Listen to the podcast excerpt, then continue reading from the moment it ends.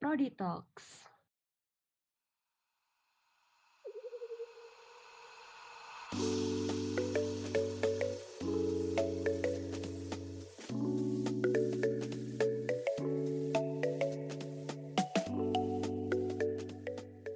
Welcome to Prodi Talks. Halo guys, hari ini kita membahas jurusan yang keren juga. Yang ya semua jurusan yang, yang kita bahas di Prodi Talks pasti keren-keren. Uh, hari ini kita bakal bahas tentang Prodi Manajemen. Manajemen itu uh, basicnya sih intinya itu semua yang uh, bagaimana cara menjalankan bisnis dengan tepat, uh, menjalankan sebuah usaha dengan tepat dan benar gitu. Uh, mungkin betul ya kak. Terus uh, hari ini kita ditemanin dua narasumber yang keren-keren. Pertama ada Kak Vanessa dari uh, SBM Institut Teknologi Bandung. Halo Kak. Halo Jason. Selamat datang Kak. Terus uh, satu lagi ada Kak Zahra Yasmin dari Manajemen FEB Universitas Gajah Mada. Halo Kak Yasmin. Halo. Oke, jadi langsung kita mulai aja ya Kak. Ke pertanyaan pertama mungkin uh, Kak Fani bisa jelasin Kak secara keseluruhan uh, prodi manajemen itu apa sih Kak? Waduh, yang definisi-definisi. Gimana ya? Kita-kita udah lupa nih tentang teori-teorian kayak gini. Kalau manajemen, manajemen itu singkatnya kayak yang kamu bilang tadi udah benar sih Jess. Jadi kita belajar gimana caranya mengelola sih, ya nge-manage. Namanya kan manajemen tuh. Ya, Jadi manage, manage, uh, manage uh, bisnis, organisasi, uh, tim gitu dan diri sendiri sih eventually gitu. Tapi oh. uh, ini lebih banyak sisi bisnis sih jatuhnya gitu. Jadi kayak oh. perusahaan gitu-gitu sih. Oke okay, oke okay. keren keren. Artinya yang di uh, intinya manage dalam bahasa Inggris ya mengatur mm -hmm. sebuah uh, usaha atau perusahaan gitu. Yeah. Uh, yang dipelajarin tentunya kan ya cara memanage itu sendiri tadi ya kak. Tapi mm. kan dalam mempelajari itu kan pasti perlu ada beberapa skill-skill atau mata pelajaran mata pelajaran yang sangat uh, penting di uh, dari diri kita sendiri itu udah punya gitu. Mungkin uh, Kak Jasmine bisa dari diri Kak dari Kakak sendiri ya. Menurut Kakak yang paling penting anak manajemen itu punya skill apa Kak? Kalau menurutku sih critical thinking apalagi ya terus decision making juga terus juga menurutku bisnis itu bukan sesuatu yang seluruhnya bisa dipelajari teori gitu. Pasti lebih uh, ilmu banyak, sosial ya, yang lebih ya, diterapkan sehari-hari gitu ya. Benar. Lebih okay. banyak pengalamannya gitu deh, nggak bisa semuanya fully teori gitu nggak bisa. Okay, jadi kayak perlu lebih banyak soft skillnya gitu deh. Hmm. Oke okay, oke. Okay. Kalau mungkin dari Kak Fani mau nambahin Kak? Hmm, apa ya? Kalau menurut aku sih manajemen itu kan it takes years of practice lah ya to actually be able to acquire management skill. Cuman kalau dari prodi manajemen sendiri itulah di situlah kita uh, mempelajari skill itu dengan hmm. uh, merubah pola pikir dan sebenarnya tuh kunci utamanya tuh di pola pikir itu tadi. Jadi kayak kita harus bisa punya tiga kunci utama pola pikir yang pertama tuh konseptual, secara garis besar, terus kalian harus bisa critical thinking yang lebih analisis, terus kalian harus bisa creative thinking yang lebih apa ya out of the box. Nah nanti cara berpikir kalian tuh kalian realisasikan melalui uh, action. Jadi kan kata Yasmin tadi udah benar juga tuh manajemen tuh banyak kan uh, project dan practice daripada teori. Nah pola pikir yang terbentuk dari apa ya dari praktek yang diso, apa ya disodorkan sama prodi kita ini ngebikin kita jadi lebih bisa action dan berapa ya berlaku lebih efektif dan efisien lah kalau kata aku jadi kayak pada akhirnya bisa nge-manage bisnis, nge-manage orang dengan lebih baik gitulah intinya. Gitu oke oke oke. Intinya sebenarnya pelajaran yang dikasih dari fakultas kakak-kakak itu itu kayak wadah aja untuk mengembangkan skill-skill yang diperlukan tadi buat untuk iya, akhirnya menjadi seorang uh, pebisnis atau ya pekerja di manajemen gitulah ya mungkin. Iya benar-benar. Iya kayak ini just kalau misalnya kamu nge-google nih top uh, top 10 skills to acquire in 2020. Nah, itu kayak creative thinking yang kata Yasmin critical thinking dan segala macam creativity, brand, bla bla bla. Itu tuh semua jadi matkul gitu kalau di prodi yeah, manajemen. Yeah. Uh, uh, jadi kayak ibarat kata skill tuh aja yang orang-orang suruh untuk punya itu kita dijadiin mata pelajaran gitu loh di sini. Gitu. Jadi sebenarnya mungkin terdengar cringe gitu ya sebuah uh, soft skill dijadiin sebuah matkul gitu. Yeah. Ya iya. itulah project management mungkin ya. Oke okay, oke. Okay. Iya, yeah. Oh, tahu lah ya. oh ya, kurang lebih gitulah. Oke, okay, uh -uh. terus uh, uh, yang ini nih, yang biasa kan orang masuk terus nanti kan satu dua tahun kemudian milih mau peminatannya mau fokus ke mana gitu. Uh, kalau kakak-kakak mungkin dari UGM dulu kak, kira-kira di UGM itu uh, bukan kira-kira sih, tapi di UGM itu peminatannya ada apa aja kak? Penju, uh, cabang-cabang dari manajemen itu? Setauku empat dari hmm. dari awal sih masih empat sampai sekarang. Itu yang pertama finance, habis itu human resource, terus ada marketing sama yang terakhir tuh operation. Oke. Oh, jadi udah kayak sebenarnya itu tuh divisi-divisi utama di sebuah uh, perusahaan besar nggak sih biasanya uh, ya, utama-utama itu kayak finance, uh, HR dan lain-lain. Oke, oke. Mirip-mirip lah ya kayak di perusahaan. Kalau Kavane di SBM ITB gimana, Kak? sama sih ada empat tadi dan aku pun kayaknya baru inget ada dua lagi yang nggak terlalu menonjol tapi seingat aku tuh ada ETM itu kayak teknologi gitu sama uh, decision making. Tuh kalau nggak salah oh, suatu major juga gitu. Kalau di ITB tapi yang umumnya emang empat sih yang HR lucu ya kayak decision making itu kan kayak apa ya itu lagi kayak ilmu sosial apa soft skill dalam kehidupan yeah. dijadiin sebuah sebuah pelajaran. Oke oke. Terus kakak-kakak uh, milih apa kak? Uh, dan kenapa milih itu? Mungkin bisa curhat sedikit dari kafannya dulu mungkin. Hmm, aku milih marketing.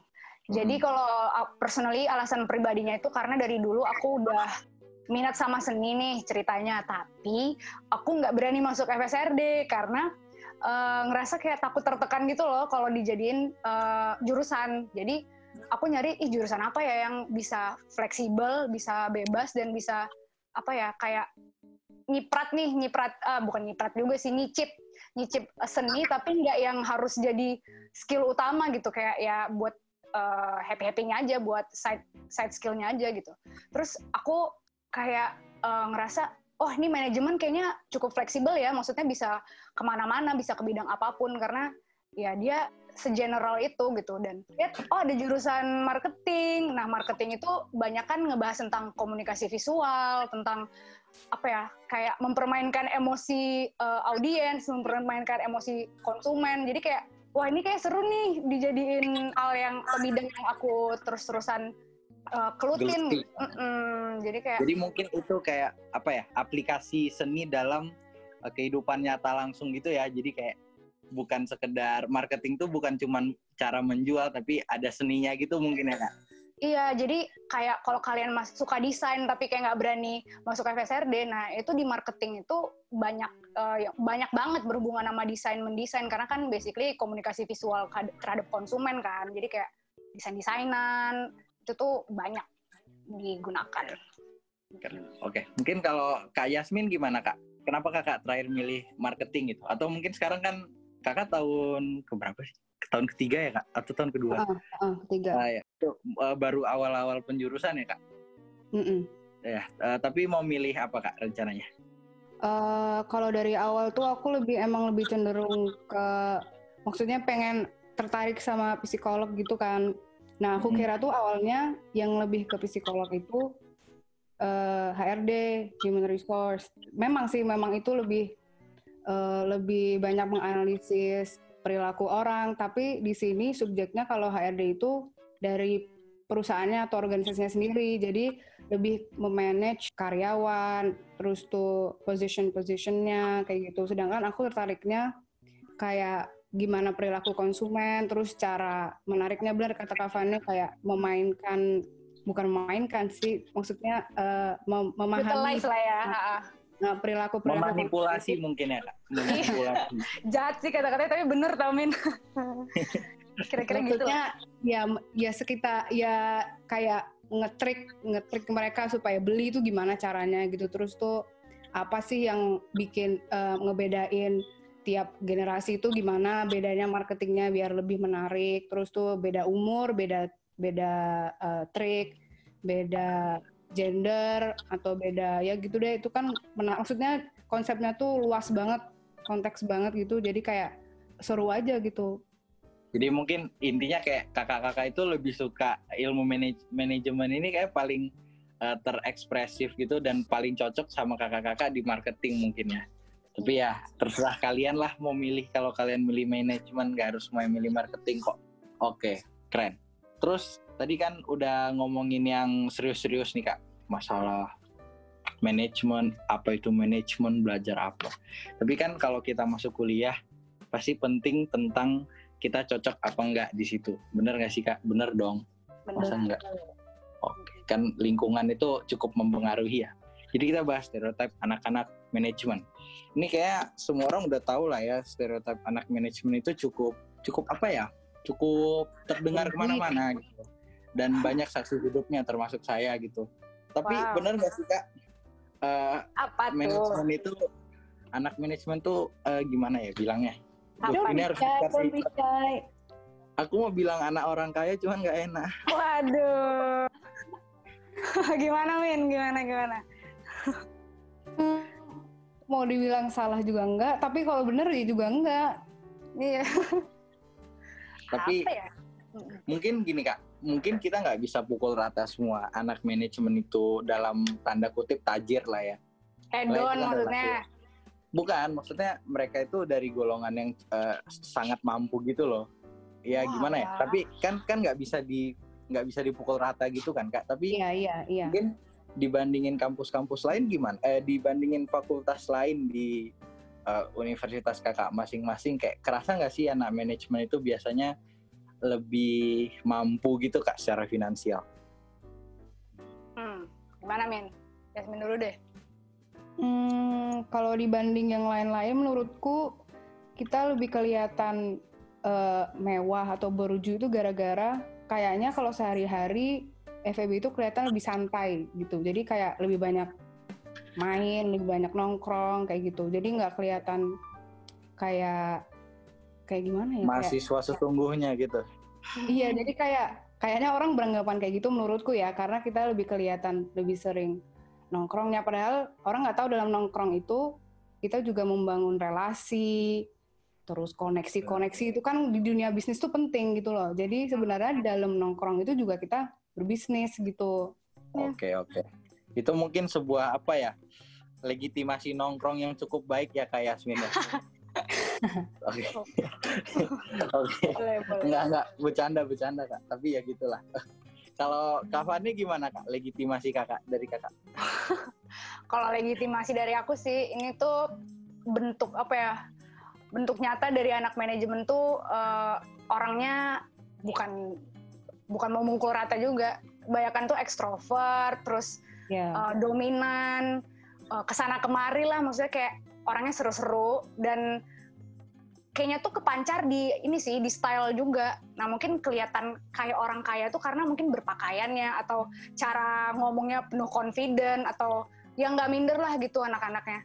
Cuman nggak juga sih itu nggak karena mereka datang dari golongan kaya, tapi kayak karena lebih ke pribadinya sendiri sih yang emang supel gitu-gitu loh. Jadi kayak aku ngerasanya mereka ya itu nongkrong tadi tuh uh, ya karena ingin berelasi, ingin networking atau sesimpel lagi ngerjain tugas aja karena kan tugasnya anak manajemen banyak kan uh, project-project gitu kan dan bukan yang Benar, kayak nugas nulis gitu. Nah, jadi kan butuh apa lah ya, butuh kayak ke tempat-tempat lain gitu nggak hanya di dalam kamar dan belajar. Sebenarnya enggak, enggak sih, enggak, enggak dari golongan atas semua. Ya ada tapi enggak semuanya. Jadi mungkin uh, itu apa ya? Menurutku itu legitimasi yang cukup apa sih? Cukup apik gitu ya. Apa sih? Uh, emang manajemen ini kan seperti yang kakak udah jelaskan di awal tadi butuh soft skill, soft skill dan yang namanya berbisnis kita tidak sendiri kan. Kita tentu perlu hmm. relasi, perlu kenalan-kenalan, perlu juga yaitu pribadi ekstrovert gimana kita bisa meyakinkan orang supaya mereka juga yakin sama kita untuk berbisnis atau bekerja sama ke depannya. Jadi kayak mungkin itu kayak udah lingkaran apa ya berputar gitu aja terus anak manajemen pasti karena mereka memilih manajemen mereka juga udah tahu apa requirementnya itu yaitu ya uh, perlu ekstrovert bisa ngomong sama orang supaya ya pada akhirnya mereka berhasil juga gitu di dalam uh, menjalankan uh, program studi mereka karena kalau ya gitu kalau mereka uh, introvert tidak mau bergaul dan uh, tidak ya jadi kayak mereka ya itu nggak akan ada dapat nggak uh, akan dapat relasi yang sangat dibutuhkan di prodi itu bener nggak kak? Iya, tapi lebih ke supel sih ya, Jess. Kalau introvert, extrovert kan kayaknya uh, itu ya cara itu, nyalurin itu, energi ya. Eh, itu itu apa ya? Itu itu masih perdebatan sih, apalagi orang sekarang kayak sering nulis di bionya gitu ya ENTJ gitu-gitu. Aduh, pusing sih Iya, iya, iya, iya. Kayak mereka langsung ngecap diri mereka dengan cap yang dibikin orang gitu. Ya supel sih intinya. Mungkin supel intinya. Telah telah memberikan penjelasan yang lebih baik. Oke, oke. Terus uh, itu kan stereotip pertama tuh kak. Jadi mungkin sebenarnya mereka nggak orang kaya tapi cuman supel jadi kelihatannya orang kayak wow gitu. Mungkin malah Ya, jurusan lain minder gitu ya. Terus uh, yang stereotip kedua nih kak, kan tadi kan perlu uh, banyak relasi dan uh, ngejar-ngejar relasi lah gitu ya. Hmm. Jadinya bener nggak sih kak anak-anak manajemen itu jatuhnya oportunis, harus oportunis. Itu gimana kak menurut kak Fane dan kak Jasmine? Bener sih, yang nggak sih, Min? Oportunis, bener. Jadi benar itu Betul. sebenarnya Iya, benar. benar. Maksudnya oportunis di sini sih oportunis itu kan bagus ya kak mencari kesempatan. Tapi sering jadi apa ya? eh, semua hal-hal yang sebenarnya tidak layak dijadikan sebuah opportunity jadikan opportunity gitu itu menurut kakak gimana sih itu main berat sih tapi kayak apakah itu emang harus segitunya harus jiwa bisnis itu dipupuk dari dari kakak-kakak di dalam program studi kah atau gimana? Ah, sebenarnya tuh ya oportunis tuh ya iya, tapi balik lagi kan kita di manajemen ini nggak hanya belajar tentang being an opportunist gitu, kita juga belajar cara gimana uh, lebih aware terhadap lingkungan, terhadap moral, ethics. Itu juga termasuk salah satu pelajaran aku btw, eh, ethics and morals. Terus kayak belajar tentang self awareness juga. Jadi kayak gimana ya kalau misalnya cuma oportunis dan akhirnya menghalalkan segala cara dan akhirnya jadi picik dan something like that itu tuh ya salah juga karena di manajemen ya harus tetap belajar mana yang mana batasan-batasannya itu gitu tetap Hmm, tetap benar tetap- Mencari batasannya itu susah ya iya. Kak.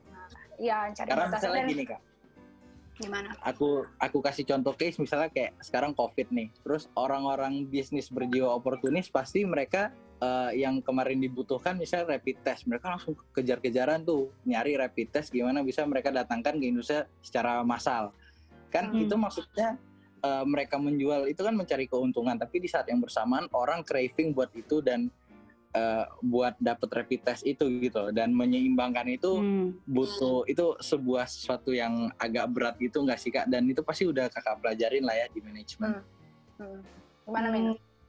Kalau aku belajar itu sih kayaknya hubungannya sama etika ya, maksudnya business ethics. Itu kan kalau di dunia bisnis itu melakukan sesuatu sesuatu itu harus melihat dulu apakah itu ethi- ethically responsible atau enggak. Karena legal dan ethically boleh gitu tuh beda gitu. Jadi misalnya contohnya case study, apakah itu ethically menguntungkan banyak pihak juga enggak. Karena yang diuntungin cuma dari pihak yang apa namanya yang berusaha rapid itu Hmm, kan. Hmm. itu dan itu kan dari legal uh, law-nya gitu juga itu juga salah juga kan? Mm-mm. jadi emang itu topik-topik yang rada berat tapi mungkin kita save it for later aja lah. Itu mereka lah menentukan sendiri apakah itu layak atau tidak ya kak. Ya intinya tergantung orang masing-masing aja sih Jess. Kayak ada aja yang kayak gitu. Tapi Iya, iya. kita ciptain lah batasan-batasan gitu. Keren. Oke nggak apa-apa. Terus kita bahas kan ini ITB sama UGM kan kalau yang aku baca-baca dua sama-sama judulnya manajemen tapi agak beda sedikit gitu loh kak kayak kalau kafannya di ITB itu kuliahnya cuma tiga tahun terus lulus kan kak terus eh, setelah lulus judul apa sih Eh, judulnya apa sih Gelar. namanya kak Gelar. gelarnya judul, judul iya.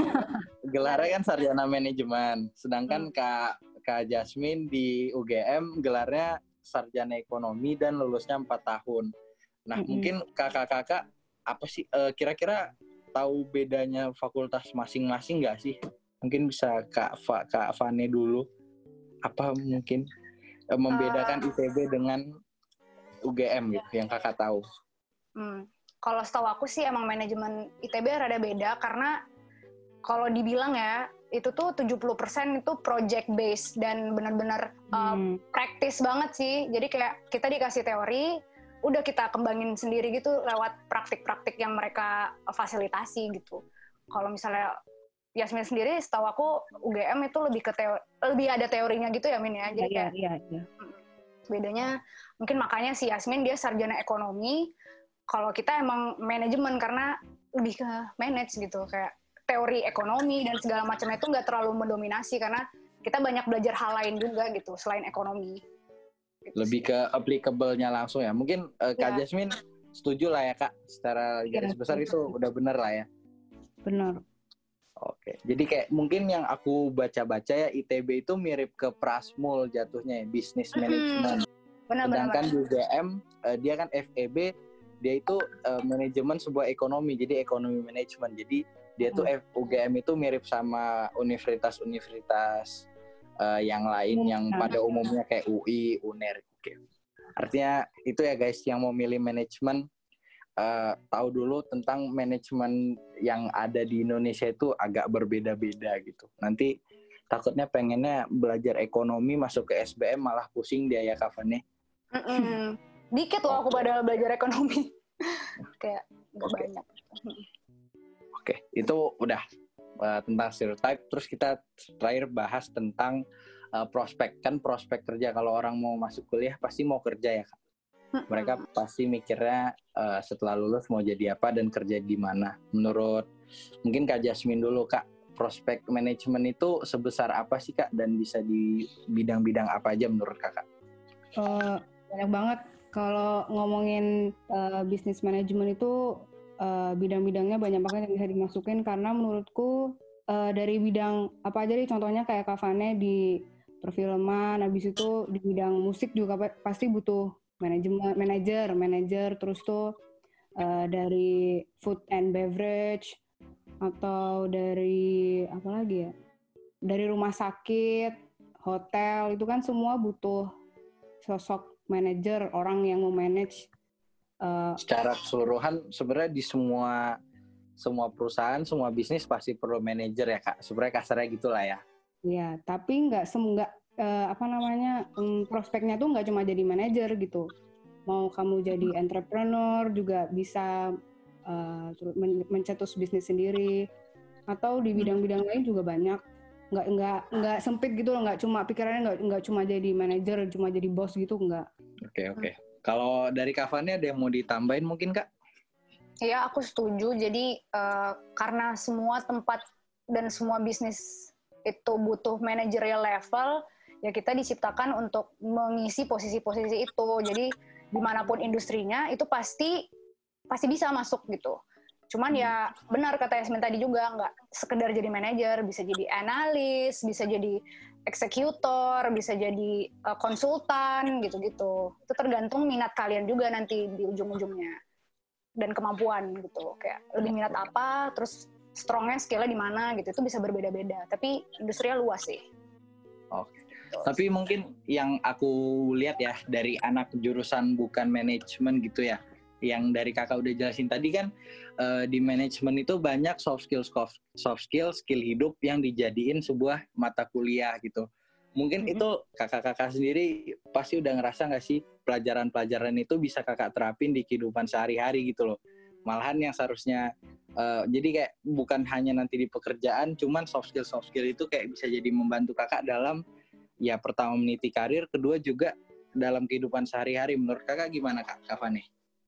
Iya aku setuju sih uh, karena kita udah diberikan apa ya fasilitas uh, untuk mempelajari skill-skill tadi lewat mata kuliah. Aku ngerasa lulus-lulus dari manajemen ini kayak aku beneran jadi pribadi yang lebih baik karena satu hal yang aku pelajari ini tuh nggak hanya tentang leadership skill dan how to hmm. become a CEO, how to become a good leader, tapi aku juga jadi belajar gimana cara jadi a good team apa ya tim member gitu. Tim, oke. Okay. Uh -uh, jadi kayak aku jadi lebih bisa memosisikan diri kayak kapan aku harus ngomong, kapan aku harus mengalah, uh, kapan harus turunin ego. Terus ya itu tadi yang kita yang kita tadi bahas juga batasan-batasannya itu seperti apa dan kayak lebih bisa nge-manage tuh bener. Maksudnya kayak dari sesimpel time management atau people management kayak kita ke orang tuh harus seperti apa. Nah itu aku jadi pribadi yang lebih baik sih.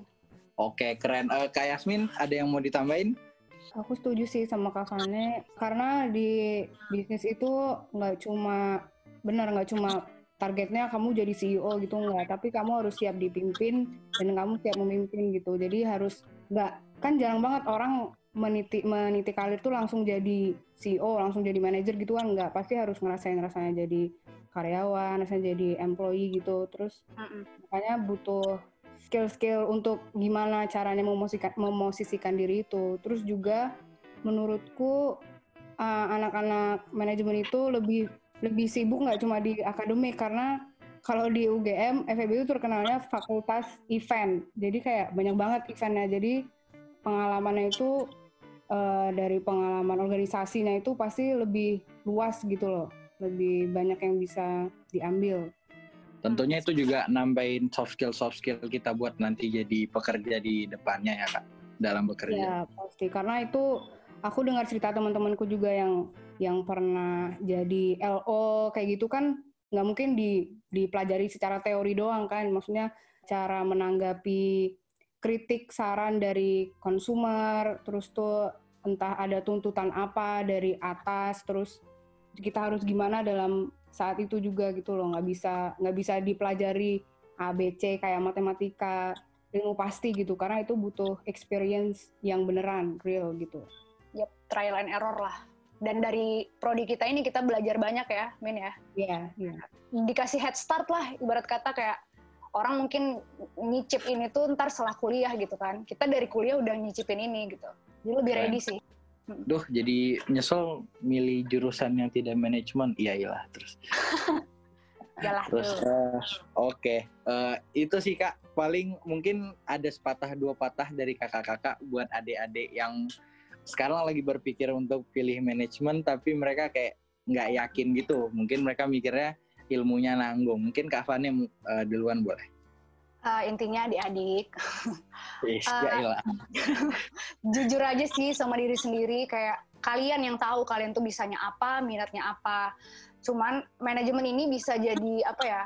tempat kalian menemukan jati diri kalian juga karena ilmu yang general ini dan ya ibarat kata kayak Jason bilang tadi empat uh, empat divisi utama perusahaan ini jadi major kalau di prodi manajemen.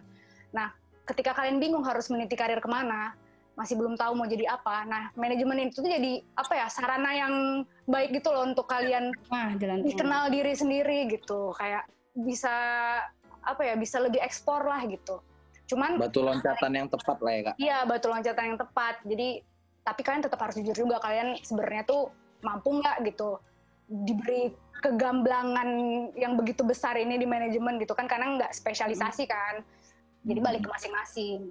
Intinya jujur aja sih sama diri sendiri. Keren. Oke, dari Kak Yasmin mungkin Kak, sepatah dua patah kata terakhir. Kalau dari aku sih, ya itu sadari dulu minat dan bakat karena kan minat dan bakat tuh dua hal yang berbeda ya. Jadi kalau minat uh, kamu kayak tadi Kak Fane tertarik sama art, tapi ternyata mungkin lebih bakat ternyata di manajemen gitu. Jadi kayak jangan terlalu fokus tujuan tanpa tahu sebenarnya jati diri atau kemampuan kita tuh di mana gitu. Yes. Sip. Oke. Okay. Mungkin kita sudahi dulu episode Prodi Talks pada hari ini. Terima kasih pada teman-teman yang sudah dengerin sampai akhir dari awal tadi ya. Uh, buat kalian yang pengen milih manajemen, semoga uh, sharing session dari kakak-kakak pada hari ini membantu dan terima kasih juga buat Kak Vane dan Kak Jasmine yang sudah berkenan jadi pembicara pada podcast ini dan sampai jumpa di episode Prodi Talks yang berikutnya. Dadah. Dadah. Dadah.